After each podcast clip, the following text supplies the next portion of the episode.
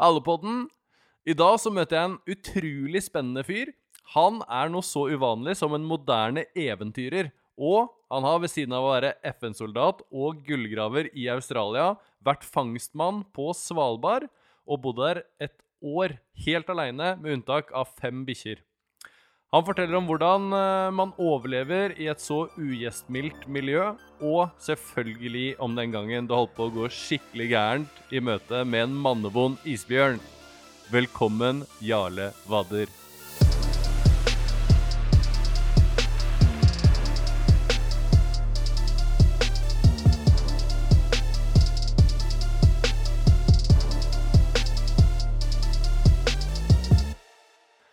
Hallo, Jarle. Hei, hei. Hvordan går det med deg? Jo, det går fint med meg.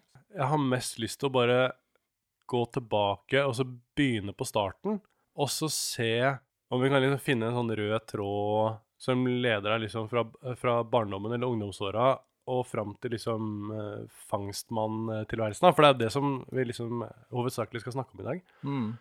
Er det, er det sånn at du um, har følt sånn, litt sånn utenforskap eh, som eh, barn, ungdom, eh, på en måte? Eller er det sånn at det, det har vært liksom et øyeblikk eller flere som har liksom inspirert deg til at det her skal være en litt sånn eventyrlig greie? Eller har du gjort noen tanker rundt hvordan liksom, du som menneske endte opp i, i å gjøre noe sånt, noe så uvanlig? Ja, du sier noe. Altså eh, Jeg begynner rett på, da. Det her ja. er bare her er rett inn i kjerna med en gang. Jeg skjønner det. jeg skjønner det.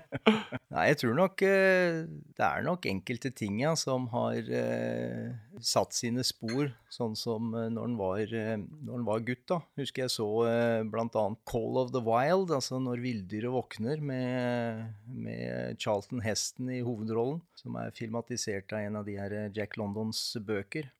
Da var jeg vel 10-12 år, liksom, og eh, gjorde et enormt inntrykk, eh, den filmen der. Så har jeg lest veldig mye eh, opp gjennom åra.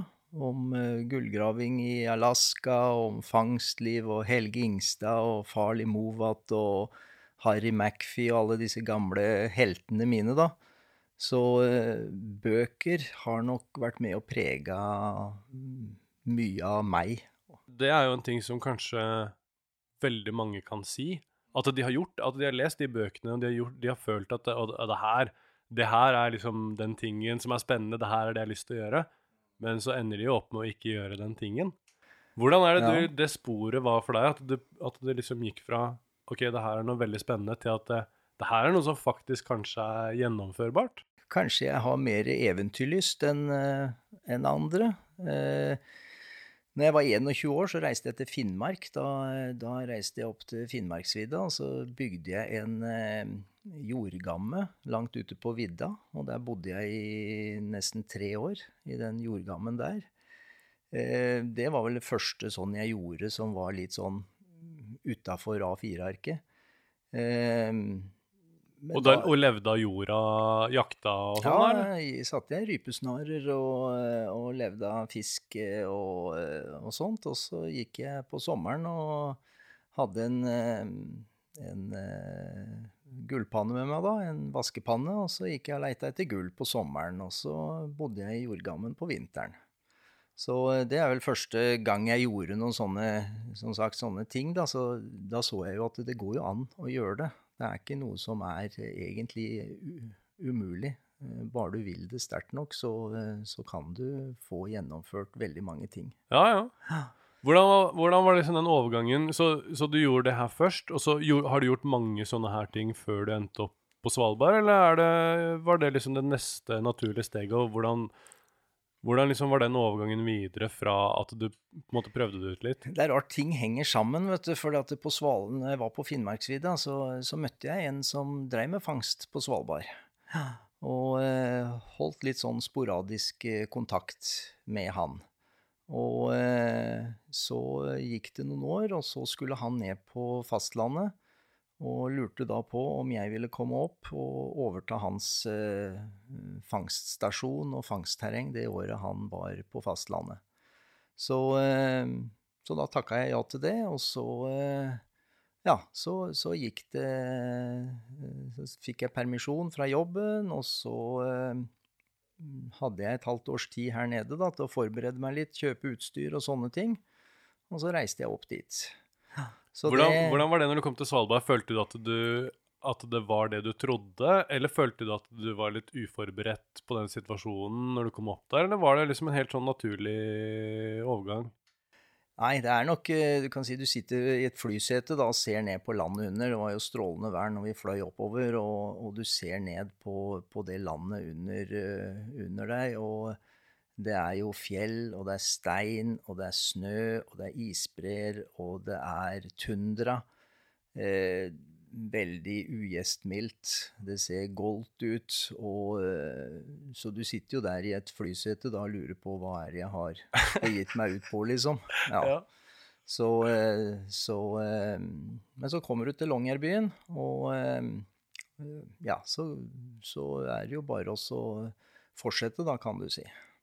Hvordan var første, første par månedene For du kom dit på sommeren?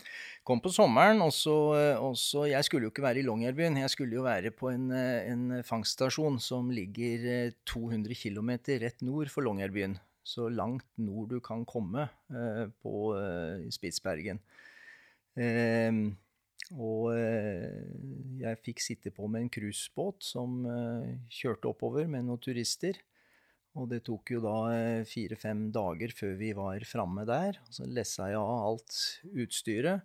Så hadde jeg da eh, tre, tre dager sånn overlapping med han fangstmannen som var der oppe. Så kom cruisebåten tilbake, og han hoppa om bord og fikk haik tilbake til Longyearbyen. Og jeg var da aleine igjen, helt på nordkysten der oppe Med, med aleine. et par dager med opplæring. Ja, tre, tre dagers opplæring hadde vi vel.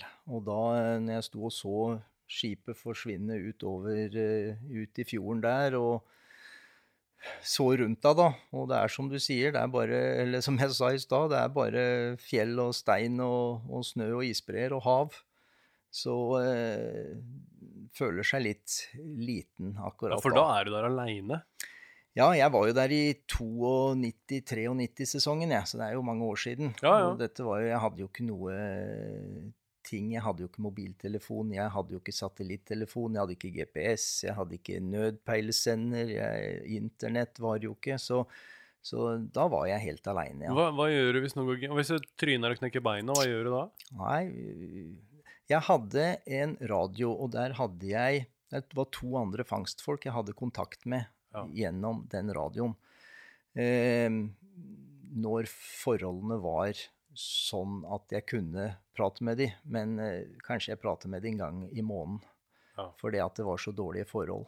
Men det var i hovedstasjonen. Fangstterrenget var jo fire, fire mil eh, langt. Og tryna du og brakk beinet, og det var 40 minus, og du var langt ifra eh, hovedstasjonen da, så eh, Da hadde det vært game over. Så, Men, så, så selv om Så det er på en måte premissene, da. Premissen er at hvis, hvis noe skjer, eh, mm. så er det over. Ja, Uansett, du sliter... det er ingen som kan hjelpe deg. Nei, det er ikke noen som kan hjelpe deg da, nei. Men du gjør det for det.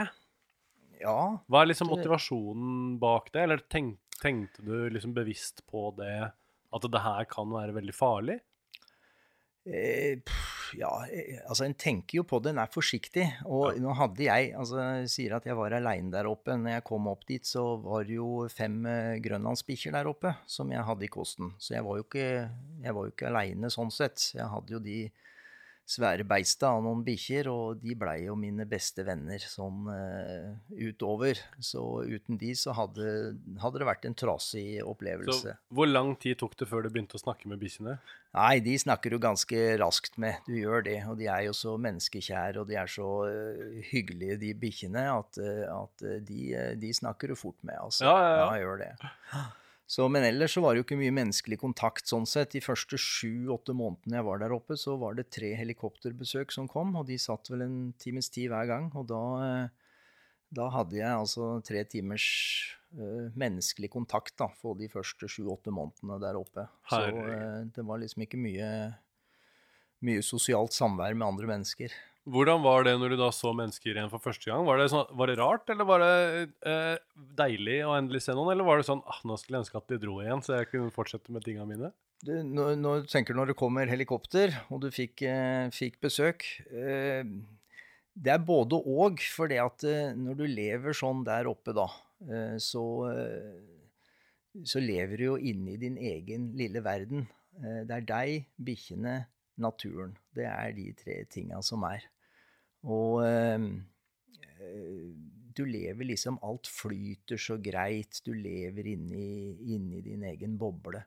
Og så plutselig så kommer et helikopter, og det er veldig gøy det når det kommer mennesker og inn i hytta, og de sitter og drikker cola, en colaboks, og, og så vips, så forsvinner igjen. Og så ja, så blir på en måte den brutt, den herre flyten som du har tilegna deg, da. Når du har vært et par måneder aleine sånn, så, så, har du fått en sånn fin flyt i livet ditt, og så blir det brutt. Og da eh, da kan det være litt Når de reiser, da, så, så kan du bli, få litt sånne melankolske tanker og ja, bli litt sånn lei deg på en måte. At eh, jøss, ja, det er jo en verden utafor òg, og her sitter jeg aleine. Så uh, ja, det, det, er ikke bra å få sånne tanker når du er aleine oppi der. Så da er det bare å gå ut og så sage ved, og så hive inn noen svære vedkubber og stå og smelle eh, Hogge ved i et par, uh, par timer. Så for å få bort altså sånne melankolske tanker, da. Ja, for det er, cabin fever er jo en faktisk ting. Det her at man er isolert i ei hytte uh, aleine, ja. da. Ja da, ja da. Så, uh, så Men så går det over, kan du si. Det går ganske raskt over det. Så, så kommer du inn i flyten igjen etter hvert, og så fungerer ting veldig greit igjen. Ja. Hvordan er det hverdagen liksom fungerer når man har Altså som fangstmann, det er jo ikke Jeg aner ikke hvor mange mennesker som har det her som en jobb, og i hvert fall ikke nå. Men hvordan er det en eh, liksom vanlig arbeidsuke ser ut i denne uh, situasjonen, da? Du kan si når du kommer opp, da, når jeg kom opp dit, så er det jo Det er jo veldig mye du må gjøre. For du vet at uh, jeg kom opp dit i uh, slutten av juli. Og så vet du at eh, det er august, september, oktober, og så i november så er det bekmørkt.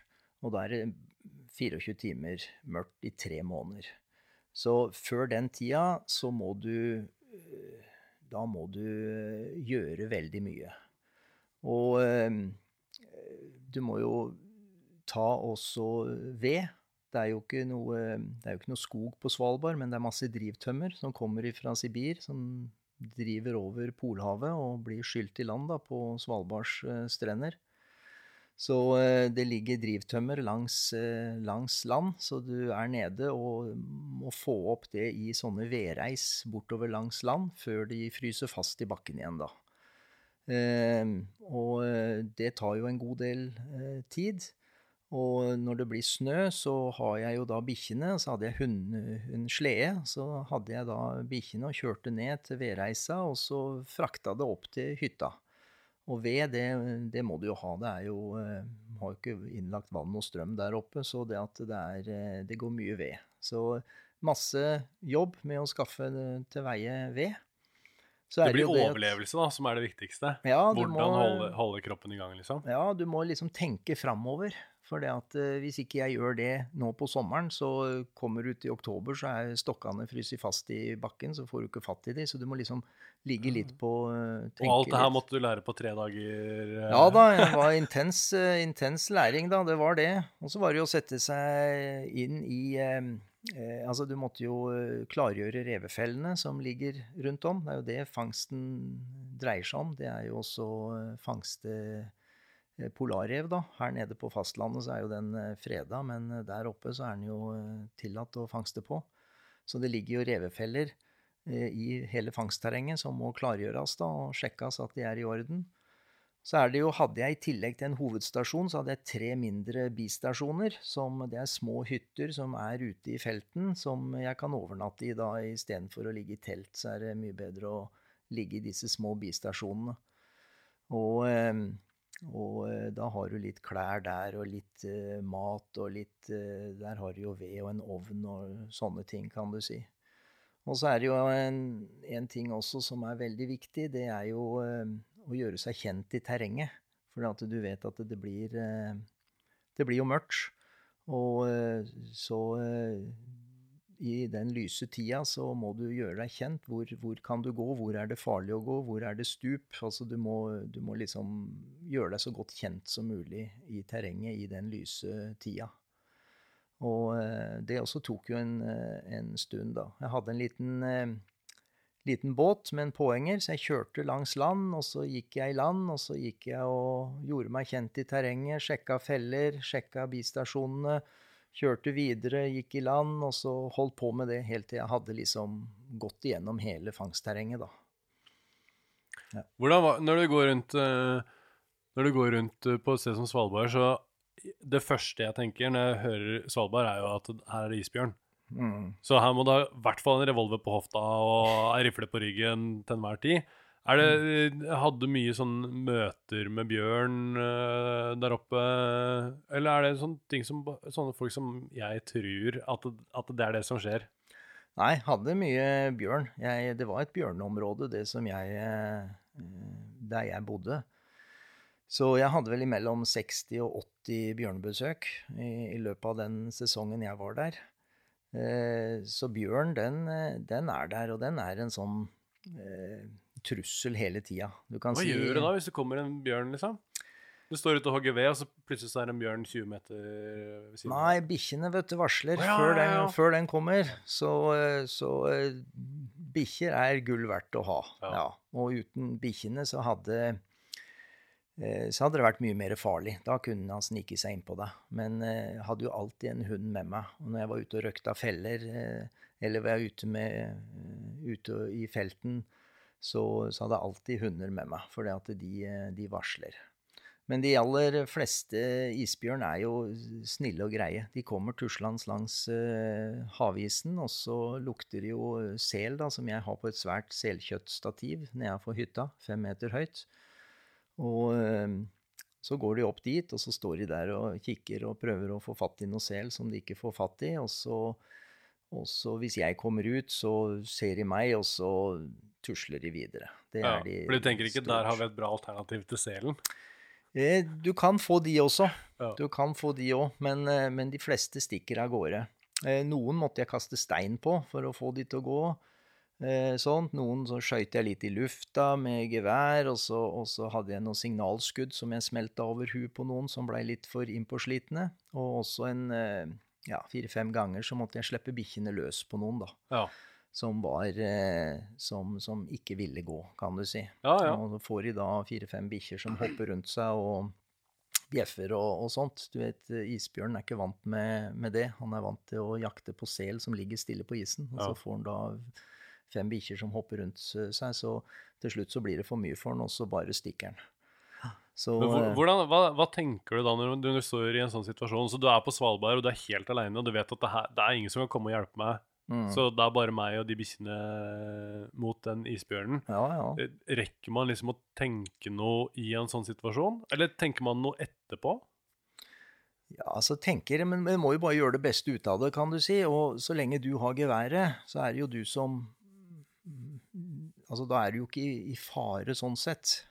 Så, eh, så bare du passer på å ha gevær innen rekkevidde, så, så følte jeg meg trygg sånn sett. Var det noe som kom etter hvert? Eller var det første gangen du møtte på en isbjørn? Var, det, var du så praktisk rundt det allerede da? Ja, det, det må jeg si, for det, det var en del av den opplæringa. Aldri gå vekk ifra geværet. Det, det må du alltid ha på ryggen din, altså. Og selv på sommeren når det er eh, egentlig ikke skal være isbjørn der, for da er den lenger ute med drivisen, eh, så, så blei jeg fortalt det at ha alltid gevær på, på deg, for det kan komme en slenger. Du vet aldri. Så, eh, så, eh, og det var en Jeg leste en gang om en fangstmann som het Fredrik Rubak, gammel fangstmann. Han, han sa det at når jeg kom opp til Svalbard, så fikk jeg beskjed om det at, at aldri gå mer enn ti meter vekk fra geværet. Men nå har jeg vært her oppe så lenge, nå har jeg sett så masse isbjørn og fått så mye erfaring at nå går jeg bare fem meter vekk fra geværet. Ja, ikke sant? Så du, du, du blir mer og mer forsiktig dess mer isbjørn du ser. For den er en, eh, den er en luring, altså. Ja, ja, ja. Ja. Er det, er det sånn at det holdt på å gå skikkelig gærent eh, noen gang? Med isbjørn, eller andre Ja. situasjoner når du var der oppe? Ja, det gjorde jo det, dessverre, da. Jeg måtte jo skyte en isbjørn i selvforsvar. Så det, det gikk jo eh, nesten gærent for meg, da. Ja, Så, så hvor, det- hvor, konkret, hvordan var, er den situasjonen? Så du, du er ute på jobb, og så kommer det en isbjørn, og den har ikke lyst til å gi seg? Nei, det, var, det som skjedde var at jeg var i en bistasjon, og den bistasjonen den er helt nedsnødd. Det eneste du ser er piperøret som stikker opp av den bistasjonen der. Så når jeg kom dit på, eh, på kvelden, så må jeg jo grave en sånn snøsjakt foran døra for å komme inn. Og så eh, kom jeg inn i hytta der og legger meg til å sove. Og så våkner jeg da tidlig på morgenen at eh, bikkjene bjeffer vilt på utsida. Eh, tispa mi hun eh, hadde en tispe, fire hannbikkjer. Hun var litt tynn i pelsen, så hun fikk, ja, hun fikk lov å sove inne. Hun sov inne sammen med meg hele vinteren. Og eh, jeg og tispa, vi lå inne. Og eh, jeg hørte jo på eh, alle, alle bikkjene, de har jo sin egen lyd. Og blant annet en av bikkjene som het Bjosse, han, han bjeffa aldri på isbjørn med mindre den var veldig nærme. Da bjeffa han, og nå hørte jeg han bjeffa vilt. Så jeg visste jo at isbjørn var veldig nærme da. Så jeg hopper jo bare på opp i skoa og tar geværet og ut i bislaget, åpner døra, ser rett inn i snøsjakta og går ut i snøsjakta da.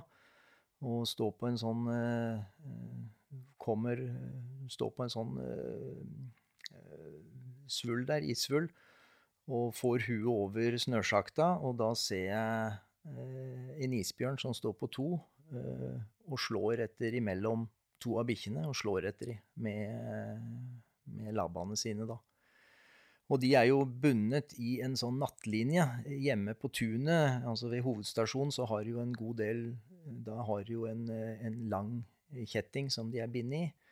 Men eh, nattlinja den er bare en meter og, og litt sånn, så, så de har en veldig sånn liten radius å hoppe på, da. Så det er jo en farlig situasjon for, for bikkjene. De kan fort bli slått av den bjørnen, så jeg skyter jo i lufta med en gang. Og eh, bjørnen skjønner at det er noe fare på ferde her, eller at det skjer noe, så den går ned på alle fire, rygger vekk fra bikkjene, og så snur den seg, og så får den se huet mitt da over snøsjakta. Og så bare kommer den rett mot meg. Eh, det som har skjedd, da, er jo at eh, Vidje, tispa, hun har klart å karre seg opp av den snøsjakta aleine mens dette her har skjedd. Så hun er oppe på toppen av snøsjakta akkurat når bjørnen er framme, så de kolliderer nesten. Og bjørnen går opp på to igjen og, og slår etter Vidje, som hopper til sida. Og jeg har jo glidd ned på kne i snøsjakta og sitter på kne nedi der. Og bjørnen går ned på alle fire igjen og ser på meg, og så bare kommer han ned i sjakta Å, fy faen. Ja. Da, da skal han ned og ta meg. Og da skyter jeg, da, akkurat når den er på vei ned.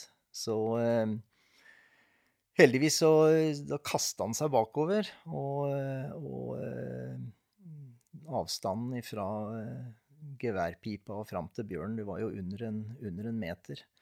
Så den kasta seg bakover, og jeg kravla meg opp på beina og får huet igjen over snøsjakta, og da ser jeg den legger seg liksom rolig ned i snøen 15 meter unna. Og jeg går en runde rundt den og kikker og ser halve ansiktet hans. Jeg ser det ene øyet hans ligger der og kikker, og så tenkte jeg kanskje du ikke er helt død allikevel, så nå skøyt jeg en gang til bare for å være sikker, da. Ja, ja, ja. Men eh, den var jo, var jo død, da.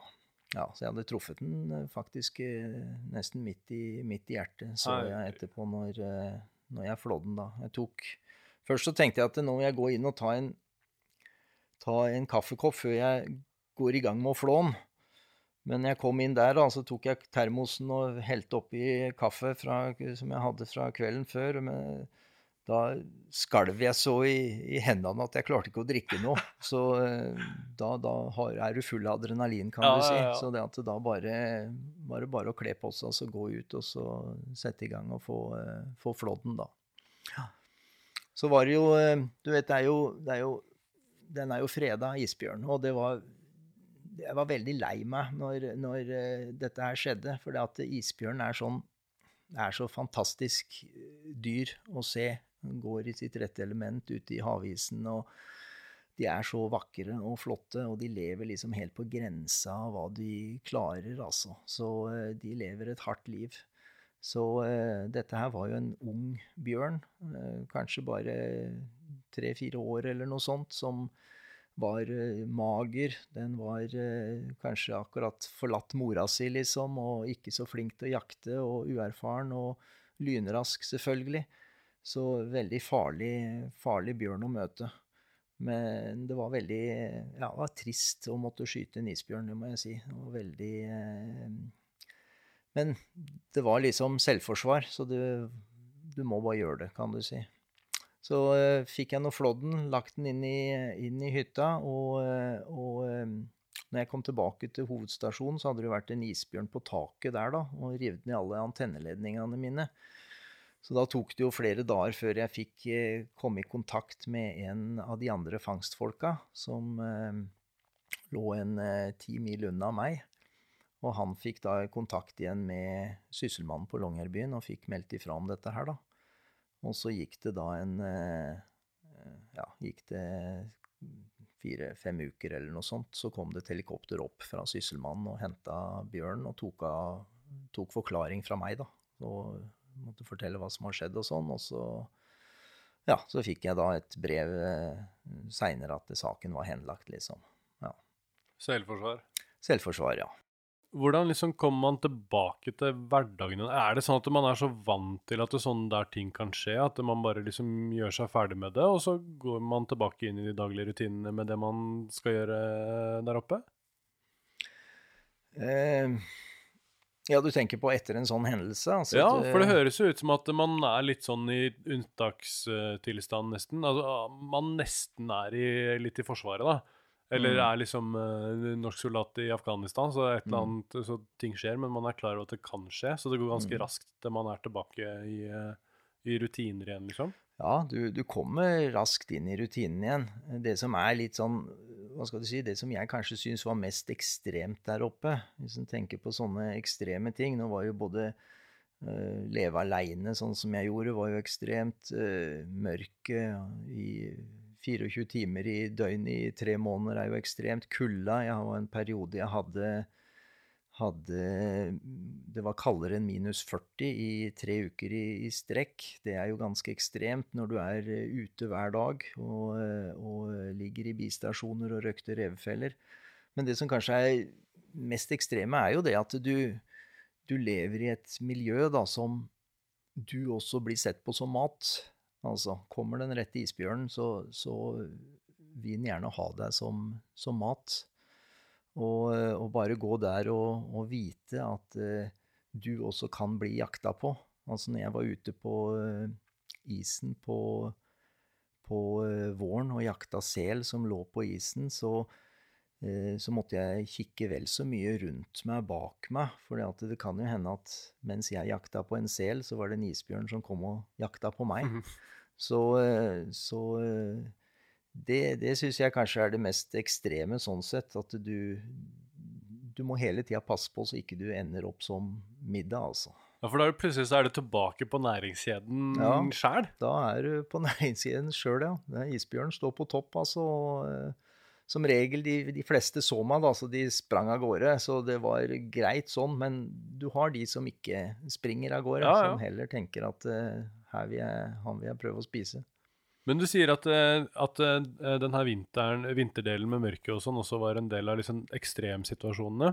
Mm. Hvordan er det å være aleine så lenge og du får mørketida i tillegg.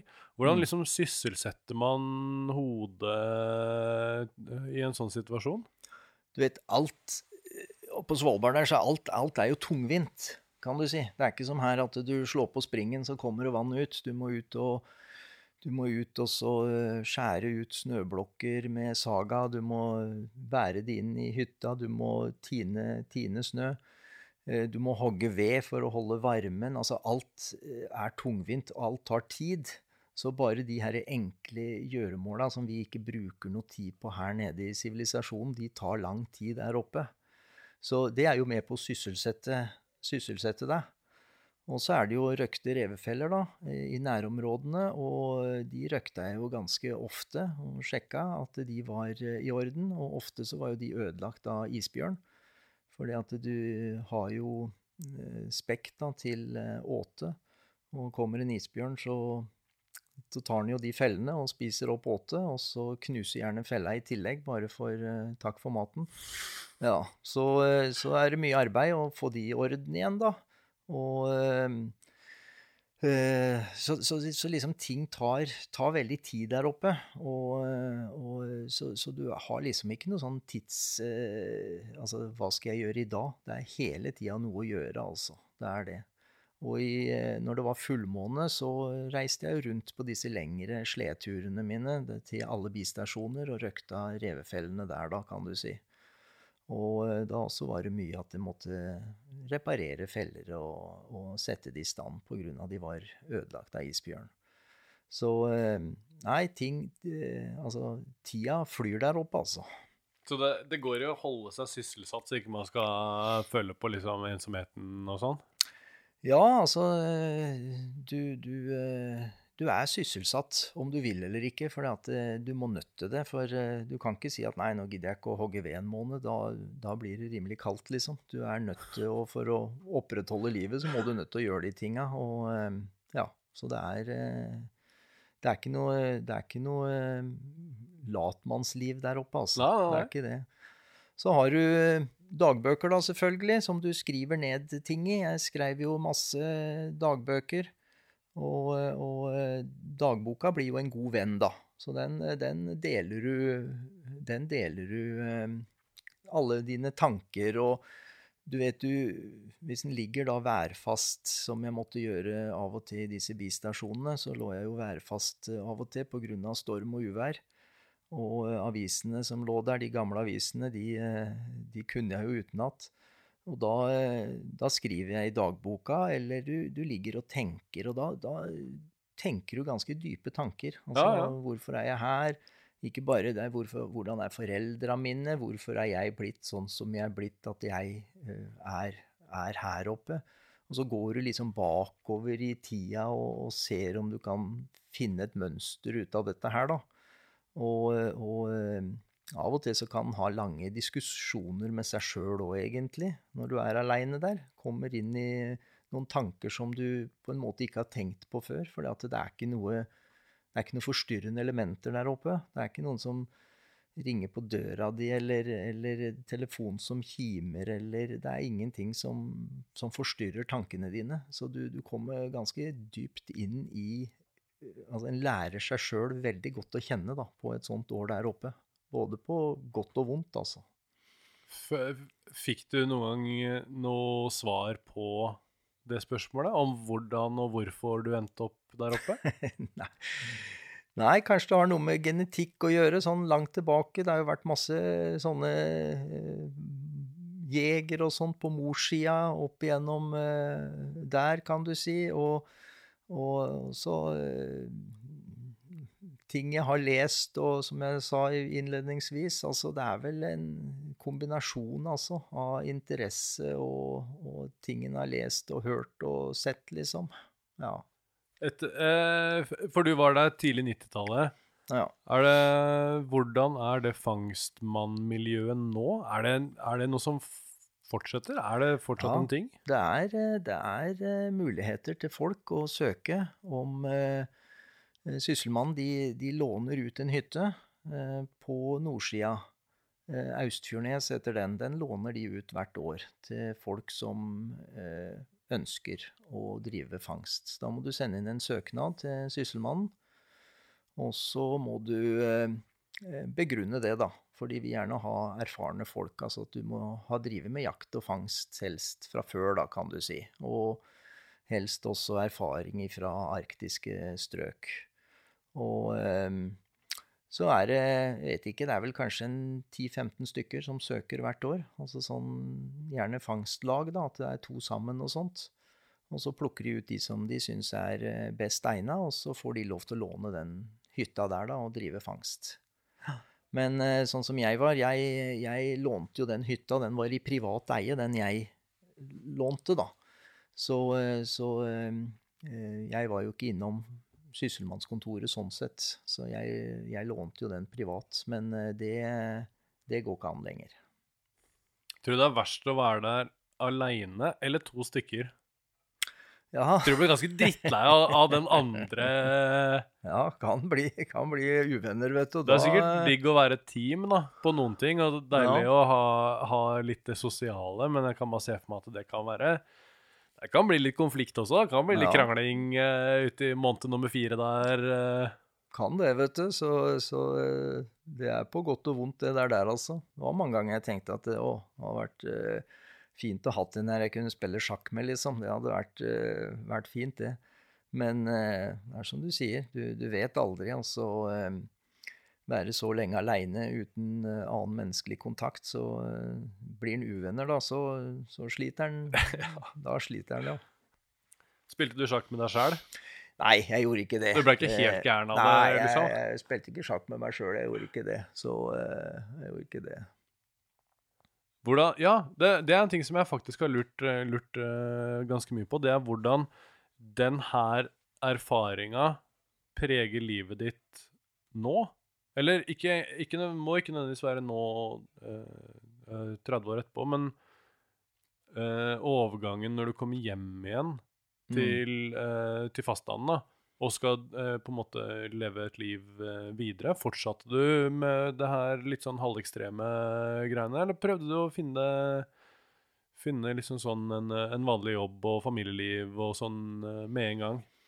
Ja da, det, det var jo et eh, Det året der var jo bare et sånt sprell, kan du si.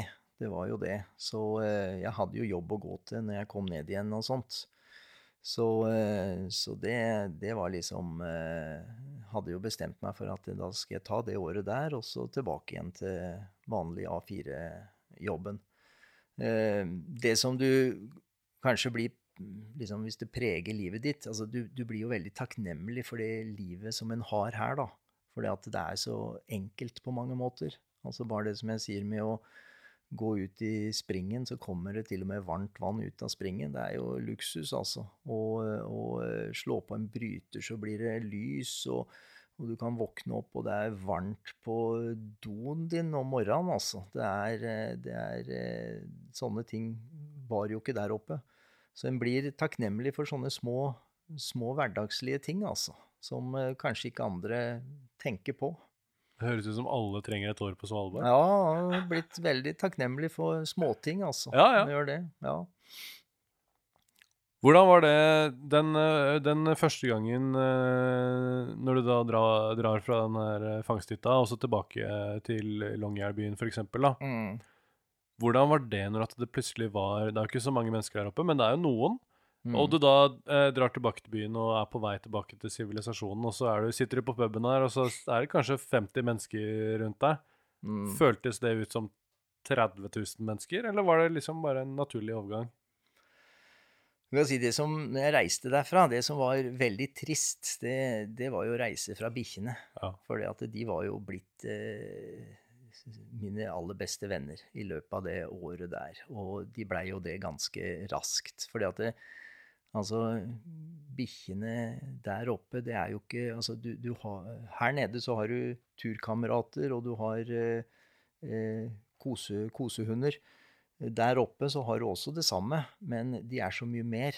Fordi at de hjelper deg å dra opp tømmer fra stranda. De varsler isbjørn, de skremmer isbjørn, de, de drar sleden din når du er ute og røkter feller.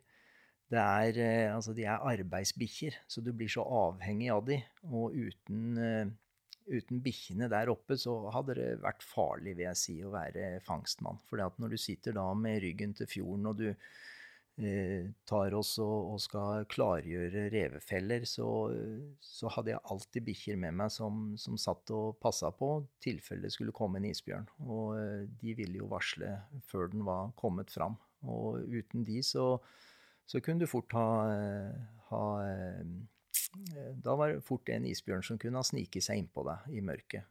Så, så bikkjer blir du veldig avhengig av. og når du da reiser ifra noen dyr som du har eh, liksom nesten lagt livet ditt i, i deres eh, poter, for å si det sånn. Så, så det var veldig trist, altså. Så det var liksom det jeg satt igjen med når jeg reiste fra eh, fangststasjonen og nedover til Longyearbyen. Så, eh, så eh, satt jeg bare der og hadde en sånn vond følelse inni, inni brøstet mitt. Og den eh, varte ganske lenge. Og enda sånn nå, så lenge etterpå, så, så tenker jeg ofte på de bikkjene, liksom. For du, du, blir så nært knytta til dem på grunn av det ekstreme miljøet som du lever i, altså.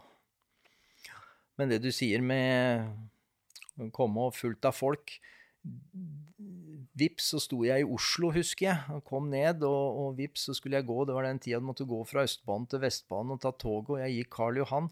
Og det var mennesker, og det var biler, og det var trafikklys, og det var liksom skikkelig kaos, altså. Det er kanskje de to største kontrastene du kan Ja. få i Norge, da. Fra liksom ytterst på tuppen av Svalbard og til Karl Johan. Ja, og da, eh, da husker jeg at det, jeg måtte konsentrere meg skikkelig, både for ikke å gå inn i mennesker og, du, og ut i gater, og du måtte følge med, for biler kjørte jo, og ja, det var en, det var en heftig tur, den fra Østbanen til Vestbanen der, for da var det deilig å komme seg inn på toget og få satt seg ned, altså.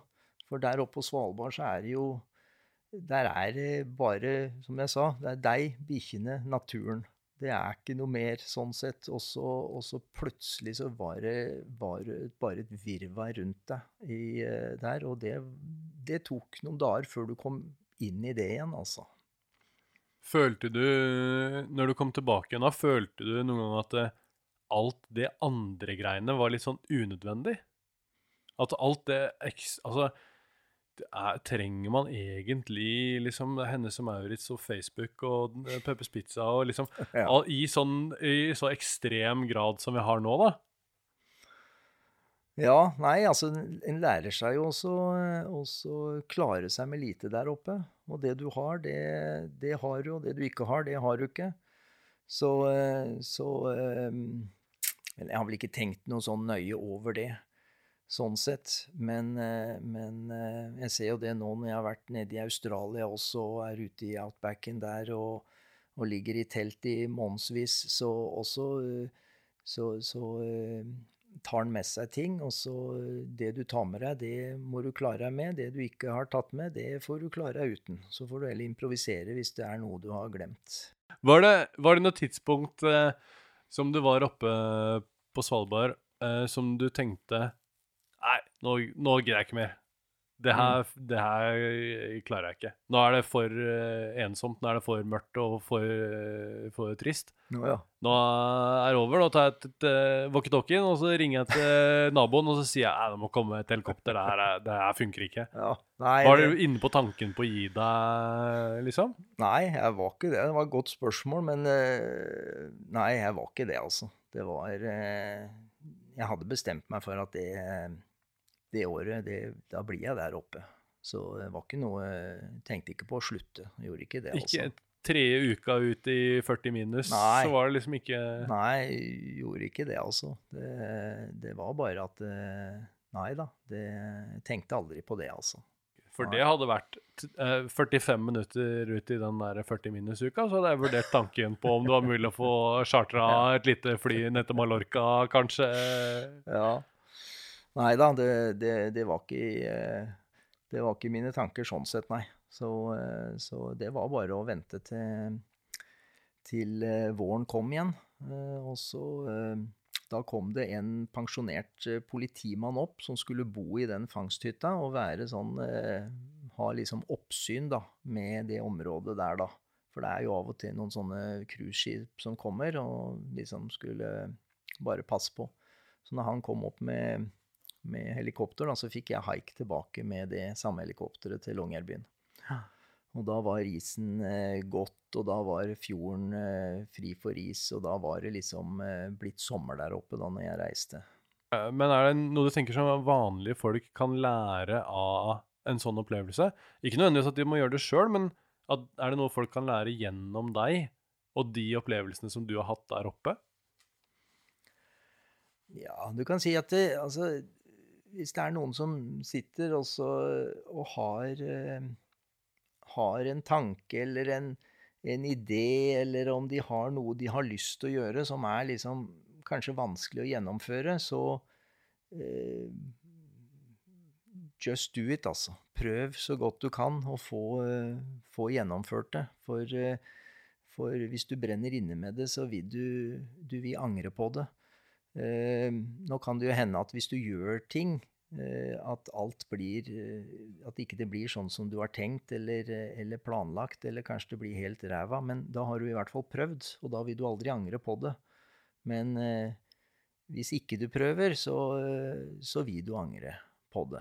Så Og det å være fangstmann på Svalbard sånn sett, det er jo eh, vanskelig å få, få det til. Men det er jo mange andre ting jeg har gjort òg som er vanskelig å få til. Men, men eh, jeg prøver i hvert fall. Og noe får jeg til, og noe får jeg ikke til. Og sånn har jeg det også sånn tanker framover, at jeg har mange planer jeg framover nå som jeg skal gjøre. Eh, men noe av det vil jeg sikkert ikke få til, men noe annet vil jeg få til. Men jeg vil i hvert fall prøve, kan du si. Så eh, hvis en kan ta sånn, eh, tenke sånn sett, da, så, så eh, just do it, altså. Ja, for det er Jeg tenkte når jeg, når jeg satte sammen de spørsmålene for kjempelenge siden, så tenkte jeg at det, akkurat det spørsmålet hva er det vanlige folk kan lære av dine erfaringer og sånn Mm. Så jeg, jeg tenkte at det folk kom til å svare, var veldig sånn praktisk rundt OK, hvis du har lyst til å gjøre denne tingen, så kan du kanskje begynne litt sånn her og bra. Og liksom le legge opp sånn praktisk løp på, på hvordan man skal gjøre det. Men det er ingen som svarer det. Alle svarer bare hvis du har en sånn ting Mm. som du har lyst til å gjøre, Mm. så må du bare gjøre det. Mm. Og det er akkurat som at det er en sånn ting som vi har liksom mista litt, eh, kanskje, i samfunnet. At det, det er ikke så vanlig å gjøre den tingen. Mm. Vanligvis er det sånn at folk har en jobb, og så har de en ting som de har lyst til å gjøre, som sakte, men sikkert bare forsvinner. Mm. Og bare blir borte. Og så Mm. er det å se litt på TV på kvelden som gjelder, og komme seg på jobb igjen. Ja. Ja visst. Ja, Er det, hvordan er det liksom Hvordan uh, Er det sånn at det er noen mennesker som bare tenker annerledes? Er det noe man må lære? Det tror jeg er en ting som At det bare er noen folk som bare er sånn. At de får den ideen om at de kan gjøre denne tingen, og så Ja, ja. Hvor vanskelig kan det være? Det er jo bare å starte i en ende, og så finner man ut av det. Ja. Det er den dørstokkmila, da, vet du. Komme Ja. seg opp av sofaen. Også, også dørstokkmila. Den er eh, heftig, den altså. Men eh, jeg ser jo det på mye av det jeg har gjort som eh, har tenkt at det blir vanskelig å gjennomføre. Og så, så begynner jeg, og så ser jeg at ja da, det, det går allikevel, altså. Ja, for det er jo ikke sånn at eh, hvis man har lyst til å bli eh, på verdensnivå i å stå på langrenn, Mm. så er det ikke sånn at du da må ut Ja, ja, til mandag så skal jeg være med i OL. Mm. Altså, det må Nei bare da. begynne et sted, og så sakte, men sikkert så eh, jobber man seg opp til det. Noen ting er jo ekstremt vanskelig, og noen ting er overraskende enkelt, egentlig. Mm. Når man først har satt i gang med det. Det er bare at man Ja må liksom komme i gang med det. En må komme i gang med ting, ja. Det er, det er viktig, det, altså. ofte så prøver jeg liksom å se etter sånn Om det er sånn ett øyeblikk Så når du ser tilbake på livet, er det sånn ett øyeblikk som gjorde at eh, du hadde lyst til å leve det her cowboylivet? Mm. Er det sånn én ting som OK, hadde ikke vært for den, den ene gangen, den ene tingen, så hadde jeg nok kanskje ikke gjort det her, men, men fordi det her skjedde, så har jeg liksom endt opp her som jeg endte opp. Jeg, jeg kan ikke si at det er noe sånn én ting, altså. Så det er en, en kombinasjon Det må av ting. nok være, som jeg sier, kombinasjonen av hva jeg har lest, hva jeg har sett. Og, og eh, så, så det er nok en kombinasjon der, altså. Så eh, jeg kan ikke sette fingeren på å si at ah, det har jeg så, sånn og sånn som eh, en, gjorde at jeg endte opp på Svalbard. Det er nok en, eh, en kombinasjon, det, altså. Som alt annet i livet. ja. Man starter i en Ja. ende, og så ender man opp et sted. Og så er det tilfeldigheter, da, kan du si også. Kan du si. Mange, mange tilfeldigheter. Hadde jeg ikke vært på Finnmarksvidda, så hadde jeg ikke møtt han fangstmannen der oppe, kan du si. Og da hadde ikke vi holdt kontakten, og da hadde ikke han sendt meg det brevet om å overta fangsthytta det året. Og så, så liksom Det ene drar det andre med seg, altså. til slutt, er det noe som eh, Er det noe du har lyst til å si til kidsa rundt i Norge som sitter og lurer på om fader, det kanskje hadde vært kult å gjort eh, noe i denne gata? Eller kanskje no, en litt eh, light eh, versjon av det? Ja, hvis de vil, eh, som sagt, du, kan søke om eh, til, til Sysselmannen på Svalbard. Kan du søke om eh, å få låne den ene fangsthytta som de låner ut. Og da hjelper jo Sysselmannen deg med å skaffe Altså, de, de frakter deg opp da og tar med seg utstyret ditt og alt sånt, og de henter deg også på våren igjen. Så, men det er mange om beinet, da, og, og du skal helst som sagt ha litt erfaring sånn sett. Så det er jo, eh, det er jo eh, hvis en vil på Svalbard sånn. Men eh, ellers så vil jeg bare si som jeg sa, at hvis du har en, en drøm eller noe du har lyst til å gjøre, så forsøk å gjøre det, altså. Bare gønne på. Bare gønne på. Det var, det var en kjempekoselig prat. eh, og uh, dæven, det var eh, litt å tenke på for meg også. Ja, ja. Eh, Spise, litt kake, så du feiter deg opp litt før du skal oppover. jeg må nok det. ha litt å tære på oppi der. Nei, det var bra. Nei, eh, eh, tusen takk for praten, og takk for oss.